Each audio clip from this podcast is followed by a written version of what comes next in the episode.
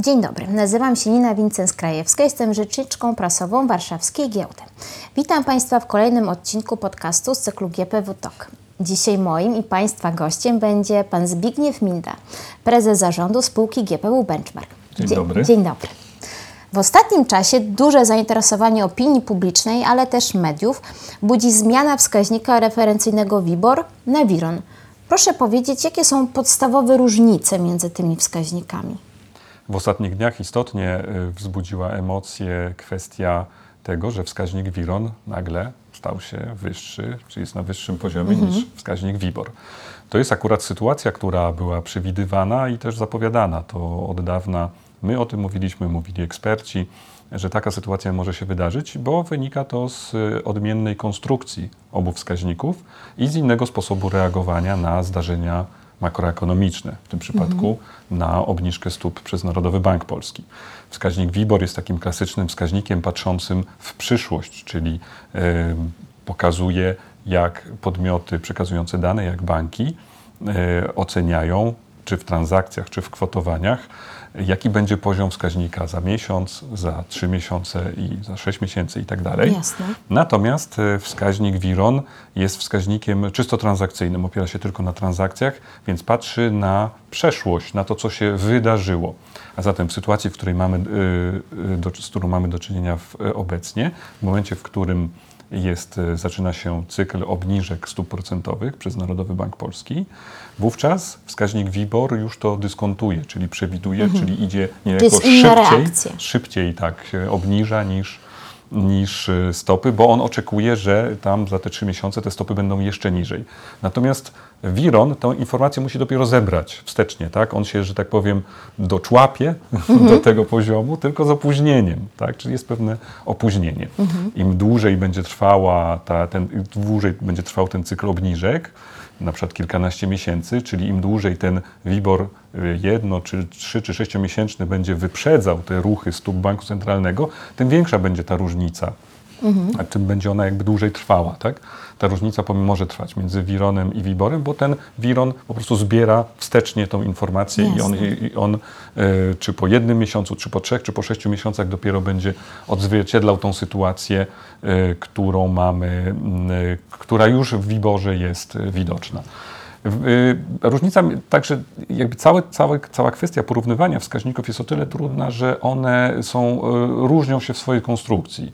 No to tak jakbyśmy porównywali jabłko z pomidorem, tak? No, no nie należy porównywać. One inaczej się zachowują, w zależności od sytuacji, inaczej reagują na rzeczywistość gospodarczą. Mhm. A czym w ogóle jest motywowana ta reforma? Czy WIBOR był niedoskonały, że trzeba było go zmienić?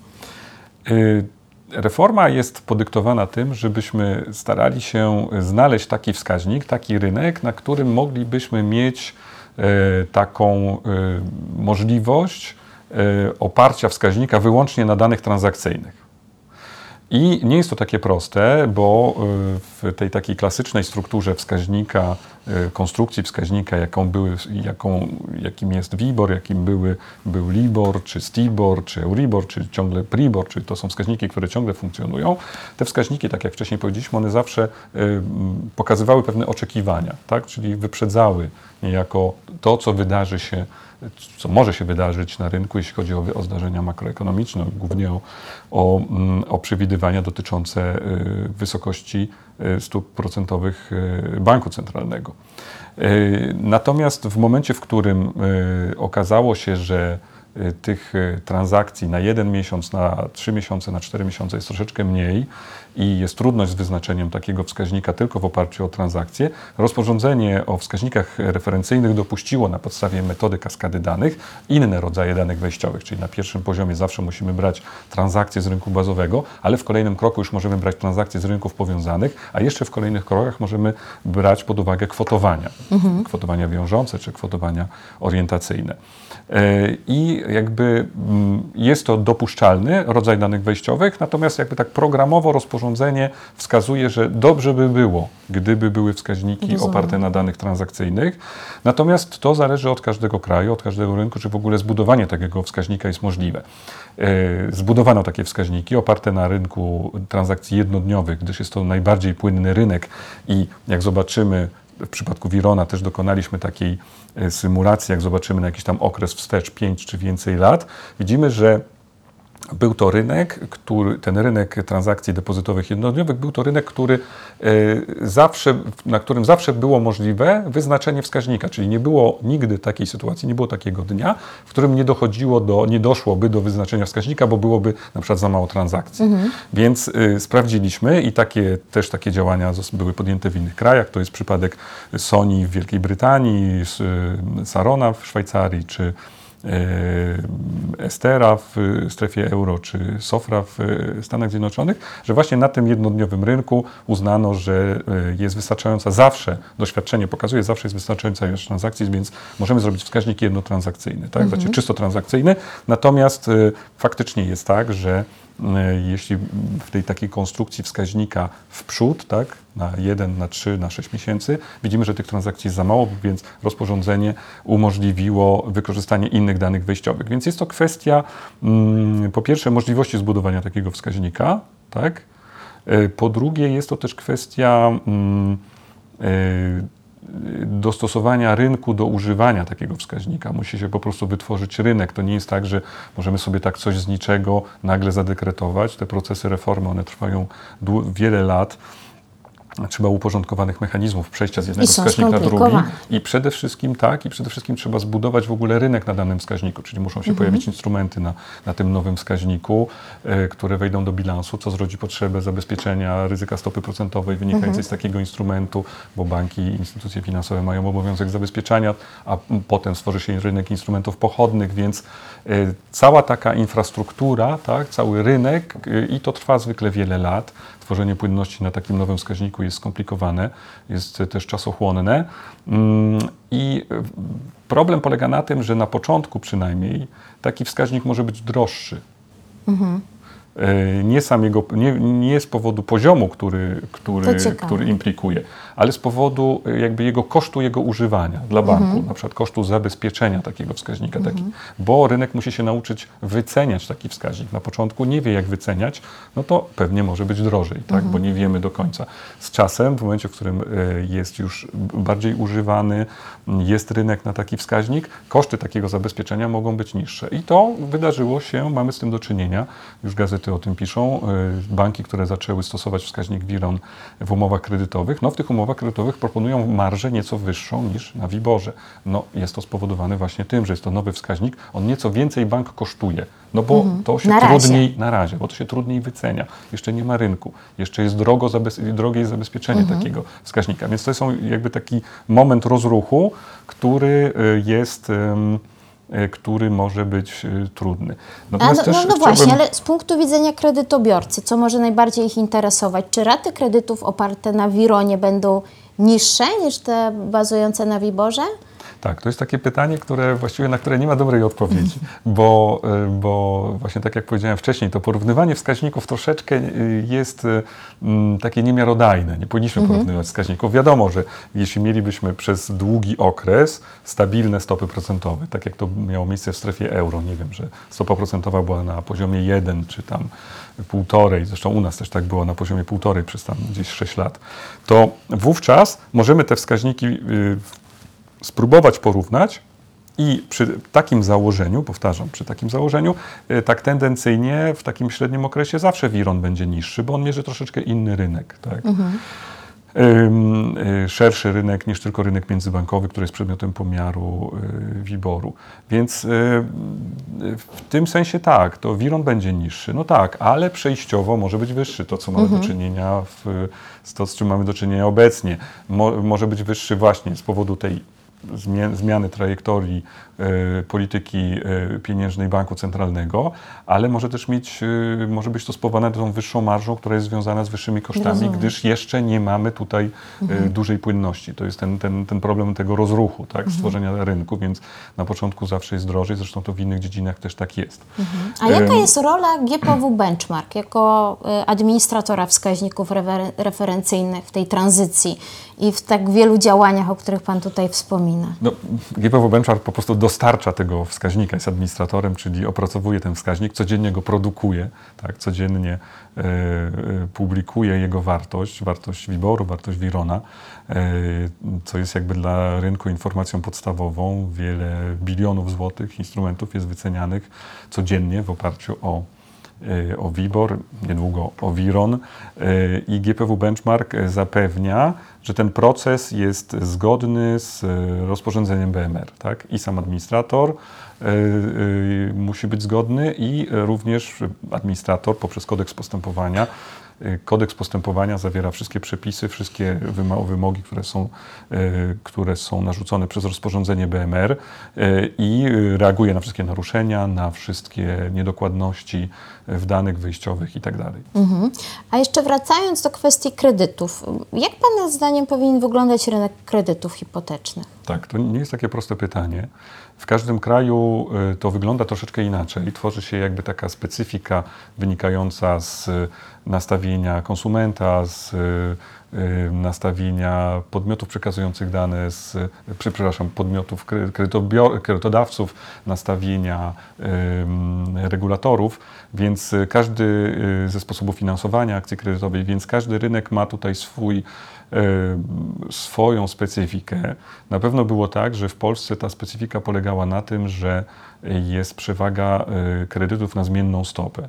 I można to zrozumieć, bo y, mm, zawsze w momencie, w którym porównywano ratę kredytu na zmiennej stopie do, do stopy stałej, no to zawsze wychodziło taniej, tak? I więc ta zmienna stopa jest uważana jako taka mm, co do zasady tańsza, tak? Więc jakby wiadomo, że była przedmiotem wyboru y, przez konsumenta. Nie patrzono na taką perspektywę średnio czy długoterminową, no bo też y, ten y, rynek kredytów hipotecznych w Polsce jest młody, praktycznie w- od początku lat 2000, czyli to nawet nie jest 30 lat, tylko tam niewiele ponad 20 lat. Y, y, Ten WIBOR był przecież dosyć wysoki jeszcze w roku 2000-2001. WIBOR potrafił być na poziomie chyba 19%, więc te kredyty były bardzo drogie. Stąd wiemy dlaczego franki, bo franki były tańsze. No ale potem, y, no więc mamy, mamy bardzo młody rynek kredytów hipotecznych, czyli mamy bardzo małe doświadczenie, czyli krótkoterminowe doświadczenie tak naprawdę y, z tym, co się może zdać, tak, zdarzyć z takim uczy kredytem. dopiero. Uczymy się my, uczy się rynek, uczą się konsumenci, wszyscy się uczymy. Wiadomo, y, lekcje mogą być bolesne, tak, bo nie ma jakby jakiegoś takiego perfekcyjnego zabezpieczenia przed tym, żeby jakaś tam e, sytuacja rynkowa y, no, nie, nie, nie była bolesna potencjalnie. Tak? E, I e, w tej chwili no, toczy się taka duża dyskusja na ten temat.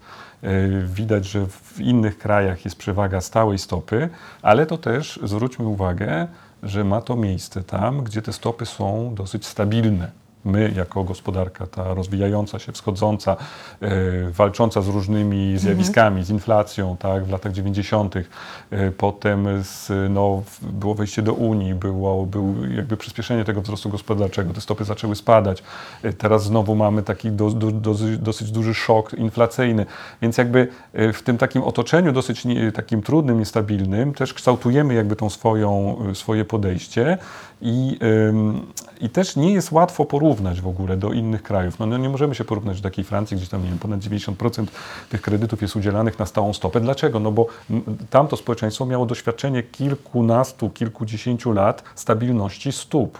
Więc w momencie, w którym, nie wiem, y, stopa procentowa, stopy procentowe rynkowe były na poziomie około 1%, a i proponowano kredyt na stałej stopie na 2%, to nie było y, postrzegane przez konsumenta jako zbyt droga sprawa, tak?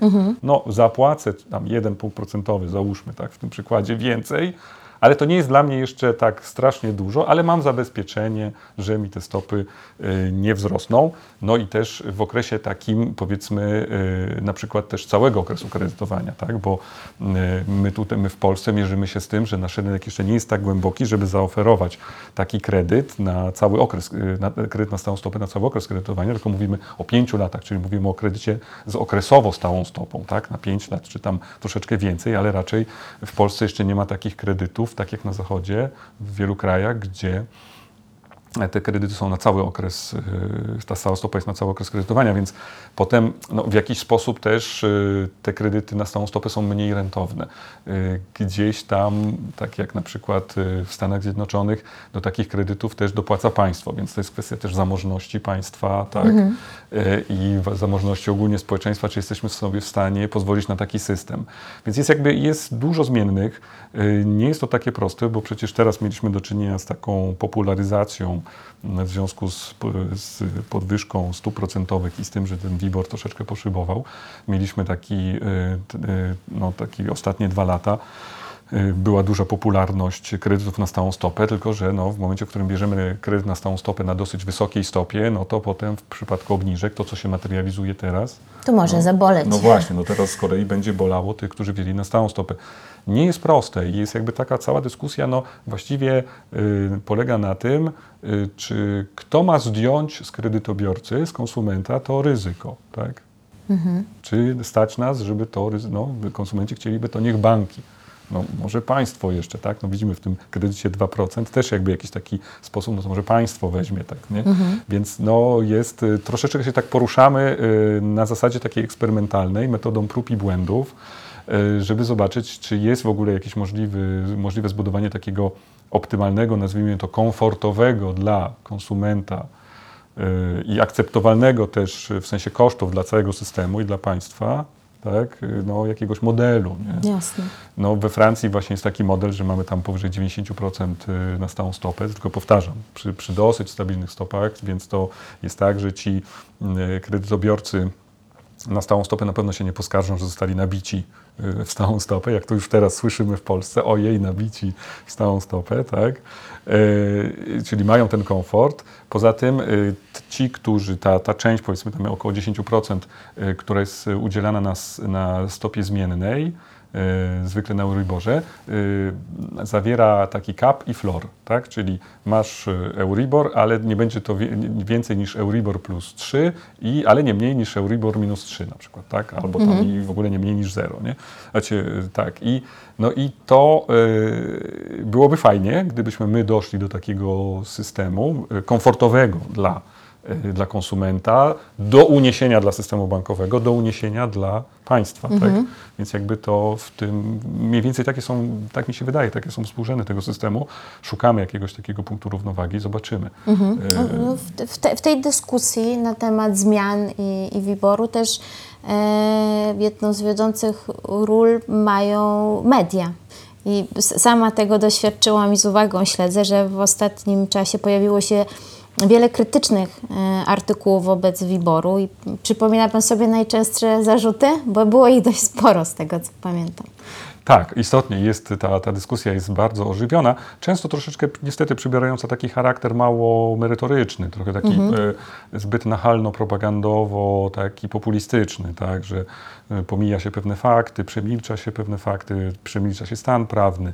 E, to jest troszeczkę taką specyfiką tej dyskusji, gdzie, gdzie prym wiodą pełnomocnicy czy kancelarie, które chcą no, narzucić jakąś narrację mhm. po to, mhm. żeby przekonać ten sąd, a potem ten sąd, jak już zrobi to postanowienie, no to tak jakby nie było istotne, jak się sprawy mają z punktu widzenia yy, i prawa, i, no, i faktów. Tak? Więc to tutaj staramy się yy, jako GPW Benchmark prowadzić taką szeroką działalność, yy, prostujemy pewne rzeczy, publikujemy różne rzeczy, ale ogólnie zachęcamy do zapoznawania się z rozporządzeniem o wskaźnikach referencyjnych, z ustawą o, o kredycie hipotecznym, z przepisami ustawy o kredycie hipotecznym, z materiałami dostępnymi na stronie administratora, bo zbyt często mamy takie wrażenie, że, mm, że osoby biorące udział w tej dyskusji tak jakby nie przeczytały.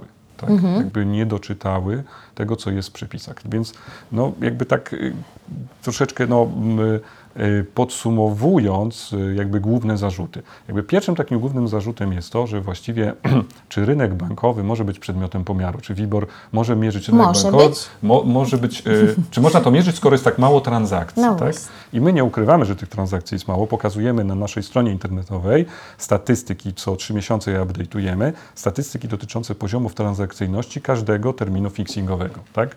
Czyli jak często WIBOR jest opracowywany na podstawie kwotowań modelowych, które oddają transakcje, tak? a jak często na kwotowaniach wiążących, które są dopuszczalnym sposobem dopuszczalną daną wejściową, e, jak często opiera się właśnie na kwotowaniach wiążących. E, Więc te statystyki pokazujemy, więc my tutaj nic nie ukrywamy. I teraz jakby dyskusja jest troszeczkę taka, a czy to dużo, czy to mało? A to za mało. No to kto ma rozstrzygnąć, czy to jest dużo, czy to jest mało, tak?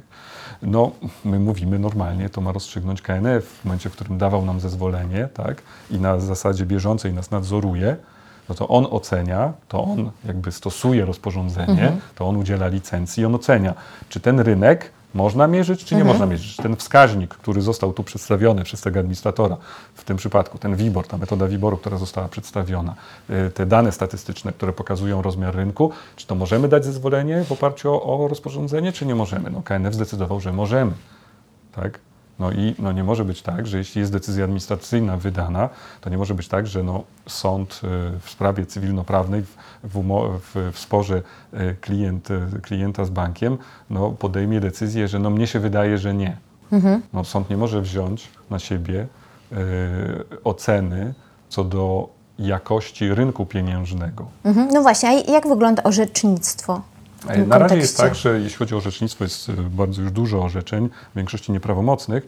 E, Jeśli chodzi o orzeczenia z powództwa banku o zapłatę, tam praktycznie no, tam wszystkie te spory są wygrywane przez banki i, i często są to bardzo fajne orzeczenia pisane bardzo dobrze, bardzo merytorycznie przez sądy, które pokazują na takie rzeczy, moglibyśmy powiedzieć, zdroworozsądkowe. No, no klienty, klienci się skarżą, że nie wiedzieli, że jest ryzyko wzrostu stóp procentowych i tak dalej, że nie wiedzieli, czym jest WIBOR. No i tutaj jakby też sądy tłumaczą, że no ależ przecież e, wiadomo chyba wszystkim, że jeśli e, rośnie inflacja, to bank centralny zareaguje, podniesie stopy. To wiadomo, że jak stopy banku centralnego rosną, no to wszystkie stopy w całej gospodarce rosną, tak? Jest inflacja, więc też stopy rosną, więc no, klient musi wiedzieć, że coś takiego może mieć miejsce i, i no, byłoby już no, to już ja dopowiem, no byłoby absurdalne, gdybyśmy klienta musieli konsumenta chronić przed nim samym, y, przed taką no, po, posiadaniem elementarnej wiedzy. Tak? Gdybyśmy uznali, No, że klient nie to- może posiadać elementarnej wiedzy co do ogólnego sposobu funkcjonowania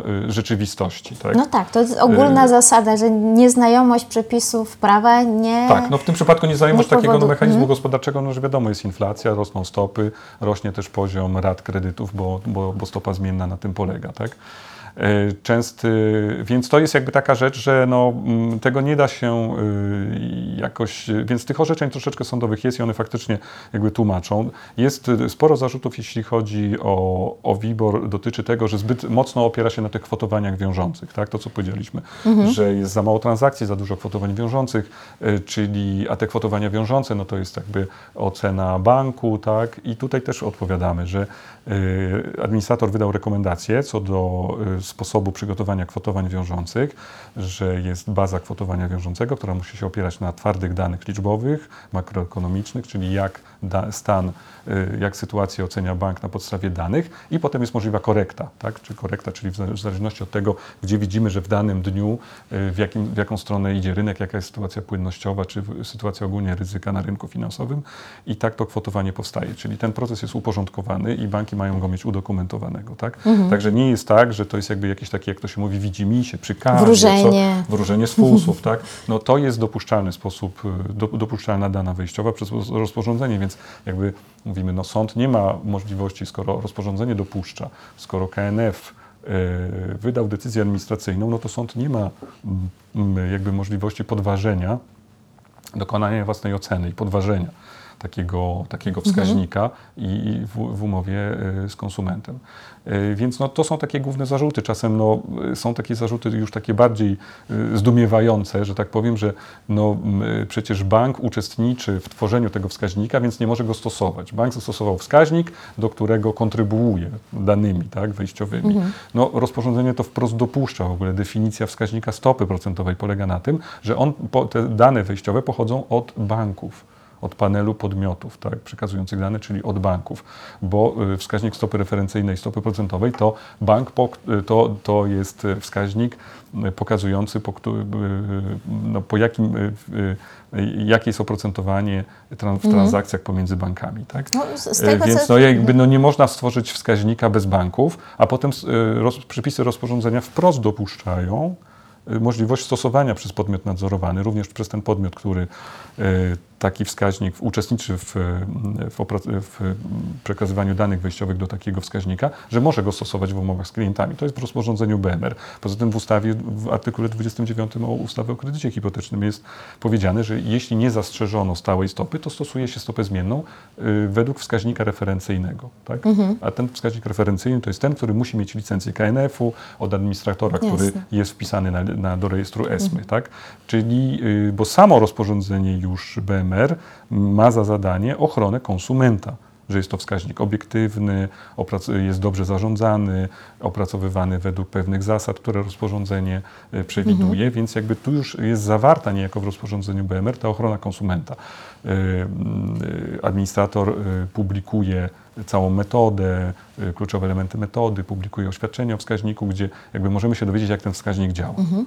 No, z tego, co Pan mówi, to większość tych zarzutów wynika z nieznajomości tych przepisów i nawet y, nie zapoznania się z dokumentacją, więc zachęcamy do y, wejścia na stronę GPW Benchmark, gdzie też ta dokumentacja się znajduje w odpowiednich miejscach, bo faktycznie y, będziemy mogli uniknąć także wprowadzenia w błąd i opinii publicznej i i konsumentów. To jest taka nasza główna, taki nasz, nasza główna bolączka tej debaty publicznej, że niestety wprowadza się w błąd. I mhm. to jest przez osoby e, pełniące, sprawujące jakieś zawody zaufania publicznego, wykonujące zawody zaufania publicznego, więc to jest, no, naszym zdaniem to jest niedopuszczalne, mhm. E, bo jakby no, nie można powiedzieć, że, że wskaźnik jest nieobiektywny, bo, bo kontrybuje do niego bank, który potem stosuje i nie może tego robić w momencie, w którym jest to absolutnie dopuszczone przepisami. Mhm. Tak? Więc jakby jest bardzo dużo takich argumentów, które, które są sprzeczne ze stanem prawnym. Mhm. A jak w kontekście właśnie wprowadzania w błąd i wyjaśnienia takich niuansów i wątpliwości, jak działa GPW Benchmark? Czy jest zaangażowane w jakieś inicjatywy skierowane do rynku, które mają rozwiewać wątpliwości związane z tą planowaną zmianą? E, to jest, taka, to jest taki duży temat. Jeszcze parę lat temu nikt nie interesował się wskaźnikami. W momencie, w którym stopy były nisko, no to też jakby tak. wiedzieliśmy, że tak będzie, tak, że jak te stopy pójdą w górę, to, to pewnie wszyscy się zainteresują. Natomiast no, to był, był jakby przez wiele lat był taki problem z dotarciem z wiedzą, tak, no bo to jest taka dziedzina bardzo techniczna, mhm. ostatecznie trochę taki... można powiedzieć, taka alchemia finansowa, gdzieś tam głęboko, tak, głębokie mechanizmy rynku finansowego, więc normalnie. Yy, Jak nic się nie działo, to nikt tak. się nie interesował. normalnie się tym nikt nie interesuje, też troszeczkę często, no, yy, dlatego że ktoś no, boi się, że tego nie zrozumie. No i to jest, no tak, no bo to nie jest, nie jest czasem prosto zrozumieć. Y, materia jest dosyć techniczna. Natomiast teraz y, faktycznie, i to jest też zaleta y, tej sytuacji paradoksalnie, tak, tego zainteresowania, tego wzrostu stop, tych wzrostu rat kredytowych, że no, wszyscy się zaczęli interesować, tak, mhm. jak to faktycznie jest z tymi wskaźnikami, na czym polegają te wskaźniki, więc ta, ta, tej wiedzy dostarczamy coraz, coraz mocniej. To jest też oczywiście taki aspekt, że cała, cały ten proces uruchomiony w ubiegłym roku, też uruchomiony przez zapowiedź premiera wtedy 25 kwietnia, że będzie ta zamiana, tak, y, to uruchomił grupę roboczą, w której bierze udział kilkaset osób z, z sektora bankowego, z instytucji finansowych i, i też jakby w samym sektorze jakby też ta wiedza bardzo mocno wzrosła na temat stosowania wskaźnika, na temat rodzaju wskaźnika, charakterystyki tego, co to znaczy zamiana tych wskaźników. Y, no i też oczywiście pojawiło się o wiele większe zainteresowanie dziennikarzy, wiele więcej artykułów.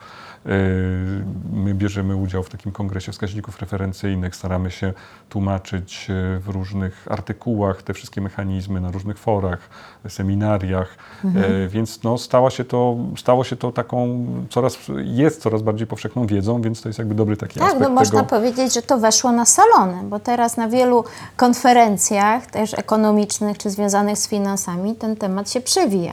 Tak, tak, to pra- y, tak, to prawda, że stało się jakby takie modne, tak, umieszczenie tego tematu na różnych kongresach i, i, i, to jest na pewno plus, no bo mhm. to, była, to była kwestia, której no, jakby mniej y, przydawano wagi, no bo wydawało się, że to jest zbyt takie techniczne, natomiast okazuje się, że to jest jakby kwestia pierwszoplanowa obecnie. Mhm. A czy Państwo jakieś też warsztaty czy szkolenia w tym zakresie zamierzają czy planują organizować? Będzie coś w, z Woltersem Kluwerem, będziemy organizować szkolenia, takie webinary Mam nadzieję, że nie jeden, może dwa, a może więcej.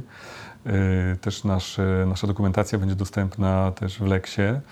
Y, Będziemy starali się też komentować różne rzeczy też y, na bieżąco. Staramy się też no, jakoś tam rozbudowywać te wszystkie informacje, które są dostępne na stronie internetowej, na przykład ujawnienia o błędach. y, Zachęcam na przykład do zapoznawania się z y, materiałami, materiałami, analizami, gdzie mamy bardzo dogłębne dokumenty konsultacyjne, bardzo dogłębne opracowania statystyczne. Y, Można się zapoznać z podsumowaniem oceny wskaźnika WIBOR do pomiaru rynku, czyli takiej obowiązkowej oceny, co- którą co dwa lata musimy wykonywać. Y, Więc jest bardzo, bardzo dużo. Dla, pewnie jest to taka wiedza no, bardziej specjalistyczna, ale y, mamy też na przykład y, zaczyna, rozpoczęliśmy taką sprzedaż danych, takich danych nie będących, takich danych analitycznych, danych nie będących danymi dotyczącymi wskaźników referencyjnych, tak? czyli danych tych dotyczących codziennych wartości wskaźnika, czyli mamy też takie dane analityczne do, y, do, y, do analiz, tak? do analiz rynku pieniężnego. Więc jakby tej, no, tę, tę wiedzę staramy się szerzyć, ale jak mówię, no jest to oczywiście, jest dużo, dużo, jest dużo takiej wiedzy dosyć specjalistycznej i fachowej, Jasne. wymagającej pewnego przygotowania. Panie prezesie, bardzo dziękuję za rozmowę. Temat był trudny i skomplikowany, ale mam nadzieję, że chociaż w, w większym stopniu przybliżyliśmy Państwu zawiłości związane z tą, z tą zmianą WIBOR-u na, na WIRON. Dla wszystkich zainteresowanych polecamy wejście na stronę e, gpw.pl, gdzie jest zakładka GPW Benchmark i tam znajdą Państwo e, zarówno dokumentację, informacje o wskaźnikach, dane, jak i aktualne informacje też związane z warsztatami, z planowanymi działaniami spółki w tym zakresie. Jeszcze raz bardzo dziękuję. Bardzo dziękuję.